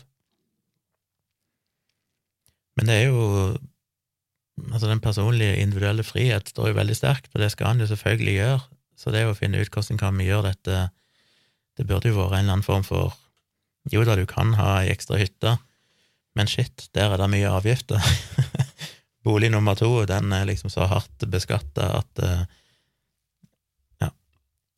Det, det, må nesten gjøres umulig å ha disse ekstra tingene. Det er, litt, det er litt der jeg tenker vi står det kan bli problematisk kanskje å gi for mye skyldfølelse for å ha liksom den ene ting, den ene bilen, den ene boligen, men at vi kanskje burde fokusere i første omgang hardest på dette med alt det ekstra greiene som bare egentlig er ren luksus. Og sammen med klær og sånne ting. Burde jo egentlig hatt noen kvoter der òg, ganske mye klær. Det er jo en av de tingene som slipper ut definitivt mest. Eh, klimagasser er jo klesproduksjon, det er jo noe av det aller, aller verste vi har i samfunnet. Og der er vi jo ingen begrensninger. Klær er ofte veldig billig. Folk kjøper mye klær hele tida. Kanskje vi burde gjøre noe der òg. Så det er en del områder som er ting som Altså, bil, bolig er jo i stor grad nødvendig, men det er fryktelig mye som ikke er nødvendig, som vi kanskje burde heller fokusert mer på. Det er iallfall noen av mine tanker. Så um, ja. Jeg vet ikke om jeg skal rante noe mer om det. Jeg har likevel litt lyst til å igjen å gå tilbake til kontekst, fordi Apropos dette her, så dukka det opp en tweet for uh, var det? Det var tre-fire dager siden, fra en som heter Andreas Thon Aasheim, som ifølge Twitter er tobarnspappa, siviløkonom fra NHH, Chief Commercial Officer at Cloudberry Clean Energy.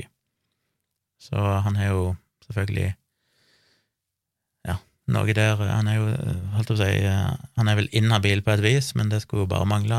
Når jeg sier en ting men bør være inhabil på, så er det vel å ville leve miljøvennlig.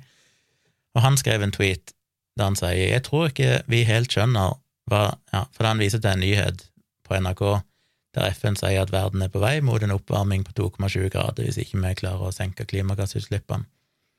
Og Da skriver han jeg tror ikke vi helt skjønner hva 2,7 grader betyr. Det er ikke litt varmere om sommeren eller litt kortere skisesong. Det er fullstendig katastrofe, type dommedag for hundrevis av millioner mennesker, og slutten for naturen slik vi kjenner den. Og så har han en serie med tweets, da, der han bare prøver å eksemplifisere noen ting. Jeg synes den var litt viktig å trekke fram, for det er jeg helt enig med han, jeg tror jo ikke vi egentlig skjønner hva det betyr. Ja, jeg har hørt om det helt siden jeg gikk på ungdomsskolen, eh, tilbake på 80- og iallfall videregående på tidlig 90-tallet. Men den dag i dag så tror jeg ikke helt med oversikten over hva dette egentlig medfører, fordi som jeg sa innledningsvis her, vi, vi kommer til å ha minst 2,7 grader oppvarming. Det er helt utenkelig at vi klarer Altså, det finnes jo ingen tegn på at vi er i nærheten av å klare noen som helst av de tingene som kreves for i beste fall å holde det under to grader. Men det klarer vi jo ikke, så vi vil jo garantert ende opp og over det. Og hva betyr det? Jo, det betyr kanskje opp mot altså 80 centimeter til en meter høyere havnivå i 2100, 2100. Én fuckings meter høyere havnivå. Det er eh, ganske drøyt. Jeg mener, det er svære områder på denne kloden da som vil bli oversvømt og totalt ubeboelige. Dere har sikkert sett sånne kart og sånn før. Men det er jo enorme konsekvenser. Som han skriver her, så betyr det basically at mer enn 700 millioner mennesker vil bli nødt til å flytte. Tenk dere det, nesten opp mot en milliard mennesker, en sjuendedel av befolkningen, eh, eller kanskje en åttendedel eller mindre i 2100, da, for da er det enda flere mennesker, men må rett og slett flytte, for det går ikke an å bo der. Store deler av land, svære verdensbyer, vil basically bli oversvømt og ikke lenger beboelige er, så drøyt å tenke på. Flere øystater vil jo bare bli oversvømt, de vil forsvinne under havet. Og det kommer til å utløse kriger. Jeg mener, tenk deg i dag, med de flyktningstrømmene vi har hatt fra Syria og sånn, hvor mikroskopisk det er sammenlignet med det vi snakker om om noen tiår, hvis bortimot en milliard mennesker må flytte på seg. Tenk den flyktningstrømmen alle oss vestlige land kommer til å få. Tenk få opprør det kommer til å bli. Men det er jo vi i vestlige land som ofte kommer til å kjenne minst på det, fordi det er jo ofte land i den tredje verden, nabolandene til land som allerede er utsatt, som vil få de største flyktningstrømmene. Det vil jo garantert føre til kriger. utvilsomt vil det være umulig å flytte en milliard mennesker, der plutselig land som ligger litt høyere, skal ta imot millioner på millioner av mennesker som strømmer inn fra naboland, uten at det vil utløse enorme konflikter og krig. Um, så skriver han òg at stater vil kollapse, det er jo hans egen påstand, men ikke utenkelig at det kan føre til et totalt havari av enkelte stater. Og det er altså snakk om innenfor de neste 80 årene. Det betyr at hvis noen av dere har noenlunde små unger, så vil sannsynligvis de gjennomleve det. Kanskje min datter, for dette kommer jo til å begynne lenge før 2100. Det er jo ikke sånn at alt kommer til å være som det er nå fram til 2100, så plutselig bang.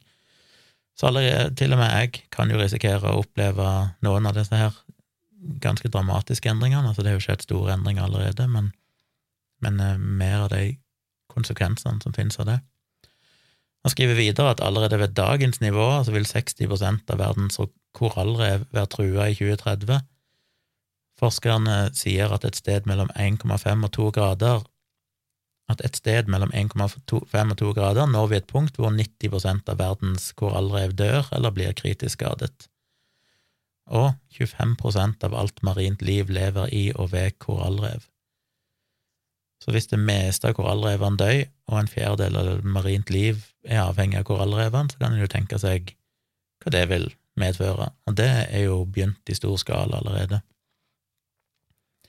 Så går han videre og skriver på dagens kurs forventer forskerne at én av tre planter og dyrearter vil ende opp utryddet eller på vei til utryddelse innen 2050. Det tilsvarer én million arter. Jeg tror kanskje ikke jeg trenger å beskrive konsekvensene. Men det er klart, den forskningen er omdiskutert. Det er mye mm, tvilsom forskning som har vært publisert og fått mye medieoppslag som hevder at det har vært enorm nedgang i artsmangfold i forskjellige områder og sånn, som nå går det litt i sømmene, så er det ofte ikke nødvendigvis helt sånn som de studiene mener å påstå. Så her, her skal en jo ta ting med en og han skriver jo videre i neste tweet at òg uh, at tallene varierer noe, for vi vet ikke hvor fort artene klarer å tilpasse seg eller flytte på seg men opp mot 70% av de 538 artene disse forskerne studerte, vil dø som følge av en oppvarming ute av. Ut av kontroll. Og på alle disse tweetene ser en jo da kilder, artikler og studier sånn som er sett på dette. Og så skriver han da i sin konkluderende tweet dette er det helvetes bakteppet vi diskuterer klima- og energipolitikk. Det er mot dette bakteppet vi krever at løsningene skal være perfekte. Det er mot dette bakteppet Støre skal styre de neste fire helt avgjørende årene. Så ja, så skriver han òg at som FNs generalsekretær sier, vi må stanse letingen etter mer fossil energi, men vi må også firedoble vind- og solkraft innen 2030. Den delen av regnestykket mener jeg er fullstendig underkommunisert, spesielt av klima- og naturvernorganisasjoner. Så tenk litt på det. Igjen, det går sikkert an å diskutere de her tallene, men dette er ifølge IPCC-rapporten firedobla vind- og solkraft innen 2030. La meg vinne dere på, dame og herre og alle andre kjønn. 2030 er om åtte år. Om åtte år skal vi ha firedobla vind- og solkraft, i tillegg til at vi må stoppe all leiding etter mer fossil energi. Men til og med det vil jo ikke være langt på nær nok. Eh, det er jo bare liksom de basicene vi må klare å gjennomføre, men, men ja. Så det var litt om det bakteppet. Eh, jeg, jeg tror vi alle virkelig må ta inn over hvor dramatisk dette her er. Vi, vi er så dårlige til det som mennesker. Og så kommer kanskje det mest deprimerende av alt, at det er en annen fyr som har i denne tråden har tvitra en analyse for YouGov som heter eller der forskjellige befolkningen i forskjellige land er blitt stilt spørsmålet eller fått fremsatt påstanden that climate change is happening and that humanity is at least partly responsible is a view held by the majority across the world, eh, er tittelen. Og så kommer spørsmålet, ja. Thinking about the global environment, in general, which of the following statements, if any, best describes your view? Og så er det fire påstander. The climate is changing and human activity is mainly responsible. Neste påstand. The climate is changing and human activity is partly responsible, together with other factors. tredje påstand. The climate is changing, but human activity is not responsible at all. Og så en fjerde påstand. The climate is not changing. Og det Der skulle en jo tro og håpet at Norge kom godt ut. Men av de hva er det, rundt 30 land som er blitt spurt, gitt hvor Norge havner hen på den lista Nederst. Vi er nederst på den fuckings lista over aksept av at eh, klimaendringene er reelle, og de er primært menneskeskapte. Eh, øverst på lista er faktisk India, og de landene som har spurt, der mener 71 at menneskene er ansvarlige for klimaendringene, hovedsakelig. Selvfølgelig er det alle andre faktorer som spiller inn òg, men sånn primært er det menneskelig aktivitet som driver klimaendringene og global oppvarming. 23% mener at uh, mennesker bare er delvis ansvarlige. 3% av indere mener at uh, mennesker har ikke noe ansvar for dette, og 1% mener at det er ikke noe global oppvarming. Så går de nedover med flere asiatiske land, så kommer du til ja, Det første landet er nummer tre på lista, det er Spania, der mener 69% at mennesker er ansvarlige. Italia, der mener 66% det samme. Går du ned til Storbritannia, så mener 51 at mennesker er hovedsakelig ansvarlige. 37 mener at vi er delvis ansvarlige. 3 mener at eh, menneskene har null ansvar, og 2% mener at det ikke er noe global oppvarming. Finland de ligger omtrent midt på lista her. Der er det 49% som mener at det er mennesker som er ansvarlige, 38 som mener at eh, vi er delvis ansvarlige. Og under der så kommer de fleste land med sånn 49-48% nedover, nedover, nedover. Så kommer du til Norge, som altså er nederst på lista. Og i Norge så er det 35% Rett over en tredjedel av befolkningen mener at mennesker er hovedsakelig ansvarlige. 48% omtrent halve befolkningen, mener at ja, vi er ansvarlige, men eh, det er jo mange andre faktorer som spiller en viktig rolle her. 8 mener at mennesker ikke er ansvarlige i det hele tatt, og 8 er det nest høyeste. Det er kun USA som ligger høyere oppe der. Der er det 9% som mener at mennesker ikke er ansvarlige. Men av alle disse 30 landene i Asia og eh, det er vel ingen afrikanske land, tror jeg. Det er basically Asia, Europa og USA. Så er altså USA på 9% Norge har 8% som mener at mennesker ikke er ansvarlige i det hele tatt. Altså nesten hver tiende nordmann. Og 2% som mener at det er ikke noe klimaendringer. Jeg regner med de to prosentene er Frp-ere, hele gjengen. Det, det sjokkerte meg, må jeg si. Jeg har jo levd i en slags villfarelse om at Norge er en eh, ja, vi er jo noen dritter i den forstand at vi produserer mye olje og gass. Samtidig så trodde jeg at vi generelt sett var veldig klar over i hvert fall at dette er et problem. Vi har politikere som er generelt sett over hele linja, kanskje bortsett fra Frp primært, er jo enige om at det er et problem. Ja, Frp er vel teknisk sett enige om at, eller sånn formelt sett enige, selv om det er politikere der som definitivt benekter global oppvarming. Men stort sett over hele linja så er vi jo enige om at ja, vi må gjøre ting. Eh, til og med Frp er vel enige om at vi må gjøre ting for å redusere klimagassutslippene. Og så viser det seg at ifølge denne undersøkelsen, da, så er det en tredjedel som Litt over en tredjedel som er enig i at mennesker er den primære driveren av dette. Sverige er nest nederst. De er hårfint bedre enn oss, med 36% Danmark er 40 som er enige. USA er altså 38% og da får det jo meg til å tenke på hvor mye hjernevaska blir med. Jeg tror vi blir veldig hjernevaska, og det skumle med hjernevasking er at du ikke vet det sjøl.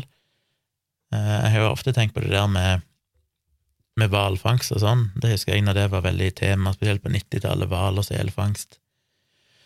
Hvordan, Jeg vet ikke hvordan holdningene er i dag, men jeg vet i hvert fall at jeg ble alltid litt sånn stussa litt over at men hvorfor er resten av verden så utrolig mot hvalfangst, mens vi her i Norge selv om de aller, aller fleste nordmenn verken noen gang har smakt hval eller har noen ting med den industrien å gjøre, så er vi allikevel veldig positive til det her, eller iallfall vi, vi problematiserer det ikke i samme grad. Men i resten av verden så er det liksom aksjoner, demonstrasjoner for å forby hvalfangst og sånn. Det stusser jeg over, hva som gjør det? Og alt jeg leste, følte jeg var liksom at ja, men de tar feil i utlandet, for i Norge så er hvalfangsten bærekraftig, og den er human, og det er ikke måte på. Og jeg må innrømme, jeg har aldri satt meg inn i det temaet, så vet jo den dag i dag ikke egentlig hva som er rett, men jeg mistenker jo at vi er ekstremt hjernevaska til å stort sett bli presentert for informasjon som gagner oss sjøl på det området.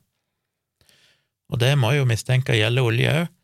Ja, vi er definitivt Jeg tror nok alle tenker at um, jo, vi er klar over at oljeproduksjonen i Norge er et klimaproblem og sånn, men når jeg ser sånne statistikker som dette, så går det opp for meg at shit, det må jo være en grunn til at det tilfeldigvis er i land som Norge, for nest nederst på lista er Saudi-Arabia, og så er det USA. Canada står ikke på denne lista. Men land som produserer olje, generelt sett, er langt nede på denne lista. Det vil si, det er en stor grad av folk som ikke helt klarer å ta ansvar for at menneskene i all hovedsak er som, de som er ansvarlig for global oppvarming. Og det er ganske skremmende å tenke på, for da begynner en å tenke på at ja, men jeg trodde jo jeg fikk all informasjon, jeg trodde jeg var godt informert, og likevel så viser det seg at det må jo åpenbart være et eller annet, for det er igjen, en betydelig andel av befolkningen i Norge har jo ingenting med oljeproduksjon å gjøre, og likevel så har vi så mange som eh, da åpenbart ikke helt anerkjenner at menneskene er den primære driveren, og det må si noe om, om skolevesen, det må si noe om hva vi leser i avisene. Um, jeg husker jeg tenkte på det for noen år siden, da vi fikk en eller annen rapport om at uh, ja, presidenten i Nord-Korea eller sånn hadde fora noen, uh, noen assistenter som han ikke likte, eller blitt uenig med, hadde fora de, blitt spist levende av hunder, eller et eller annet sånt. Og det var liksom i flere av avisene. Og det slo meg plutselig at men, hva, hva, er kildene på dette, hvordan vet vi at det er sant? Og jeg tror egentlig kildene var veldig dårlige. Men det er litt sånn at når det er et land som er dritt om Nord-Korea, så er det veldig lite kritisk om det. Vi aksepterer det i stor grad, for det er vi jo si, er til og tenker at ja, selvfølgelig, det er jo sånn de er der borte. Og for all del, Nord-Korea er jo kanskje verdens verste land, og det er altså så bedritent, eh, det som foregår i Nord-Korea, at det er helt helt deprimerende at det, at et sånt land kan eksistere i, i dagens uh, verden. Men allikevel, og det kan godt være det var sant, det som skjedde, og det er ikke noe tvil om at det skjedde helt hårreisende, horrible ting. Men det slo meg allikevel at det var liksom ikke noe, det var ingen som egentlig kunne bekrefte det, eller noe sånt, men, men vi aksepterer det velvillig, for det er bare sånn vi er lært opp til å tenke. Og samtidig så blir vi overraska når vi hører at folk som levde i Sovjetunionen, eller folk som bor i Nord-Korea, eller sånn, tror at Vesten er helt forferdelig. Det er grusomt å bo her, det er mye bedre å bo i disse diktaturene. Og det er ikke så rart. Når, eh, nå sier jeg ikke at media her er kontrollert av et diktatur, vi har jo tross alt eh, Norge troner jo omtrent øverst, hvis ikke øverst, år etter år på, på pressefrihetsindeksen i verden. Så det er ikke det jeg mener at det er noen sånn konspirasjon eller sånn, men jeg mener bare at kombinasjonen av at vi ønsker å forsvare oss sjøl, forsvare landet vi lever i, forsvare vår egen kultur og, og levesett, eh, gjør at vi ofte velger litt selektivt hvilken informasjon vi vil ta til oss, og hvordan den resonnerer med oss. Og det føler jeg det er vanskelig å unngå å akseptere når en ser sånne statistikker som dette, når du ser at helt åpenbart land som i stor grad har en økonomi som er basert på olje, har så mye mer motstand mot ideen om at mennesker er den primære driveren av global oppvarming. Og det var sjokkerende og deprimerende, og det tror jeg alle må være veldig bevisst på, at til og med i Norge, i et land med verdens beste pressefrihet og demokrati og likestilling og alt som er, så er vi til en viss grad hjernevaska. Eh, og det, den indirekte måten vi blir hjernevaska, er vel nettopp ved at, ja, som jeg nevnte tidligere, at på tross av at vi har nettopp hatt et valg der klimaet har stått mye i fokus, så får vi jo den samme talen fra alle politikerne, basically at grønn vekst er mulig, selv om det da kanskje ikke egentlig er det. Men det er de nødt til å si, for de kan ikke gå på valg med å si at vi skal senke levestandarden i, verden, i landet. Eh, så vi blir jo bare fora med informasjon om at dette er mulig, vi har verktøyene som skal til, og så er det ingen av de som egentlig snakker om hva betyr det egentlig hvis ikke vi klarer dette, og det gjør vi jo ikke. Det er ingen av de som sier høyt at vi ikke har sjans å nå målene i Parisavtalen, eh, bortsett fra kanskje MDG. kanskje SV, men de sier det ikke i, i en partilederdebatt i noen særlig grad, fordi ja, de er opptatt av klima, ja, de er opptatt av at vi skal virkelig, vi må gjøre noe, og det haster, og det er dramatisk, men vi får ikke egentlig høre om konsekvensene, sånn virkelig, hva betyr det egentlig for oss? At det basically kan bety enormt med kriger, det betyr en helt absurd masseinnvandring. Eh, det vil bety kollaps av stater, kanskje, det betyr med tanke på økosystem og arter som forsvinner, og ødelagt marin liv og alt det der, at det vil være ramma oss dramatisk, til og med her i den beste delen av verden, holdt jeg på å si. Det er ingen som egentlig snakker om det. Ingen som egentlig snakker om at det kanskje ikke er mulig å snu dette nå, fordi vi er nødt til å bevare håpet. Men det er et eller annet med så lenge vi bevarer håpet, så tror vi òg at dette her skal løse seg sjøl. Dette løser teknologi, dette, dette fikser politikerne når det bare blir kritisk nok. Men det var jo egentlig for kritisk allerede for 20 år siden, fordi da hadde vi fortsatt en mulighet til å, å snu problemet. Det har vi ikke nå. Nå klarer vi neppe under 2,7, kanskje høyere, og det vil som sagt da ha enorme konsekvenser, som er der, de kommer. Vi kommer ikke utenom de.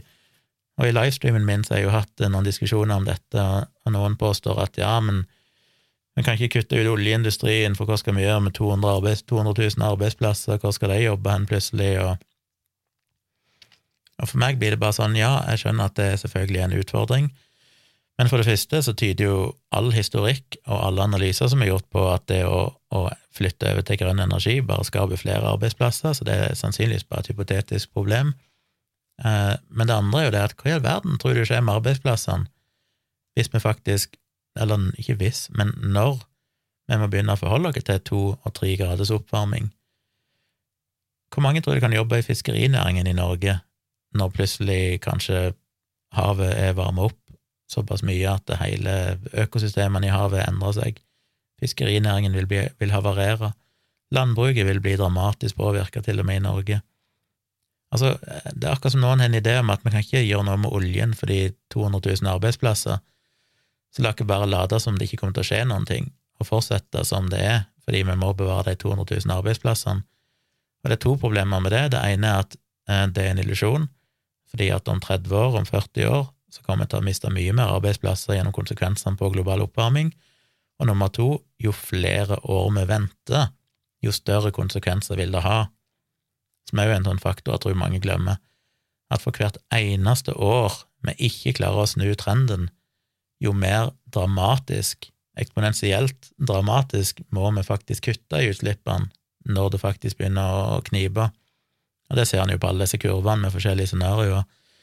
Hvis vi har en vekst som er litt moderat, så blir òg nedgangen mer moderat, altså da har vi litt bedre tid på til å gjøre noe med det. Men en vekst som eh, Altså hvis CO2-utslippene fortsetter i samme tempo som nå, eller høyere, de øker jo globalt sett, så vil òg de tiltakene vi må gjøre, være desto mer dramatiske. Så for hvert år vi venter, jo større konsekvenser ikke bare vil det ha for klimaet, men også for de tiltakene vi faktisk må iverksette, jo mer dramatisk blir omveltningen. Så vi har jo alt å vinne på å gjøre noe nå. Det vil ha redusere konsekvensene i framtida, og det vil også gjøre endringen mjukere, sånn at vi har bedre tid til å tilpasse oss disse endringene. Ja, det var en klimafatal episode, men jeg syns det er viktig å snakke om. Jeg vil gjerne høre hva dere tenker om de her tingene. Eh, jeg er jo ikke noen ekspert på dette, dette er noen av mine tanker. Eh, hvis dere har rapporter og artikler som bestrider det jeg har sagt, vil jeg gjerne lese det. Jeg vil gjerne ha andre synspunkter på dette her. Hvis dere har tanker om det Sondre skrev i mailen sin, det jeg snakka om, om bil og hus og kjøtt og alle de her tingene, vil gjerne høre det. Hva tenker dere? Er det moralsk forsvarlig å ha en bil? Er det moralsk forsvarlig å kjøpe en ny iPhone? Er det moralsk forsvarlig å ha ei hytte? Kan vi kan vi leve med at det skal fortsette sånn, at vi skal bli belønna for å ha rikdom, heller enn å egentlig bli straffa for det, som det burde være? Um, ja. Vil gjerne høre deres tanker. Send det til tompratpodkast at gmail.com med alle feedback dere måtte ha. Så ja, hadde jeg noe mer å si? Hva er det nå, det er tirsdag? Jo, jeg skal ha livestream i kveld, 21. september. Hver tirsdag så har jeg jo en livestream som begynner klokka 11, så følg gjerne med på den inne på min YouTube-kanal. Tvilsomt med Tjomli, og Facebook-profilen eller sida mi Saksynt. Der finner dere den òg. Dere vil òg på Twitter, faktisk. Følg meg gjerne på Twitter, på Civix, C-I-V-I-X. Og på Instagram heter jeg òg Civix, C-I-V-I-X. Eh, kult om dere følger med der. Jeg er ikke så aktiv på noen av de, men jeg deler litt artikler på Twitter iallfall og sånn. Og poster i ny og ne noe på Instagram, så dere får med dere der. Og følg meg på Facebook, der Saksynt er sida du skal følge. Eh, det syns jeg er, er, veldig kult. Og les bloggen min på tjomli.com. Det er vel det jeg hadde av anbefalinger. Det blir som sagt en åpen VI-prat på onsdag kveld, så alle er velkomne der. Bare gå inn på kritisketenkere.no og registrer dere, så kan dere delta på en Zoom-konferanse nå førstkommende onsdag, 22. september, begynner klokka åtte. Dere finner informasjon og eventen og sånn inne på kritisketenkere.no. Og vil dere støtte arbeidet jeg driver med, så er det mulig å bli betalende medlem på kritisketenkere.no, eller kjøpe meg en virtuell kaffe eller ti på buymeacoffee.com slash Civix. Der kan dere støtte meg, det ligger òg knapper og linker til det inne på bloggen min, så går dere inn på tjomli.com, så finner dere en link eller en knapp dere kan trykke for å kjøpe meg virtuell kaffe. Og det betyr mye for meg. Støtte podkasten, støtte blogginga mi, støtte livestream og videoer og sånne ting. Det er viktig for å kunne opprettholde all den tida jeg bruker på å legge ned Begynner å bli seint, klokka er halv fire, fuck. Begynner å bli seint. Eh, legge ned alle de timene jeg gjør i alt jeg driver med. Så takk for at du hørte på. Del denne podkasten. Gå inn på Apple og gi den eh, fem stjerner, hvis du har samvittighet til det. Det betyr jo mye å få gode ratinger. Jeg avslutter der. Vi høres igjen på fredag med en ny episode.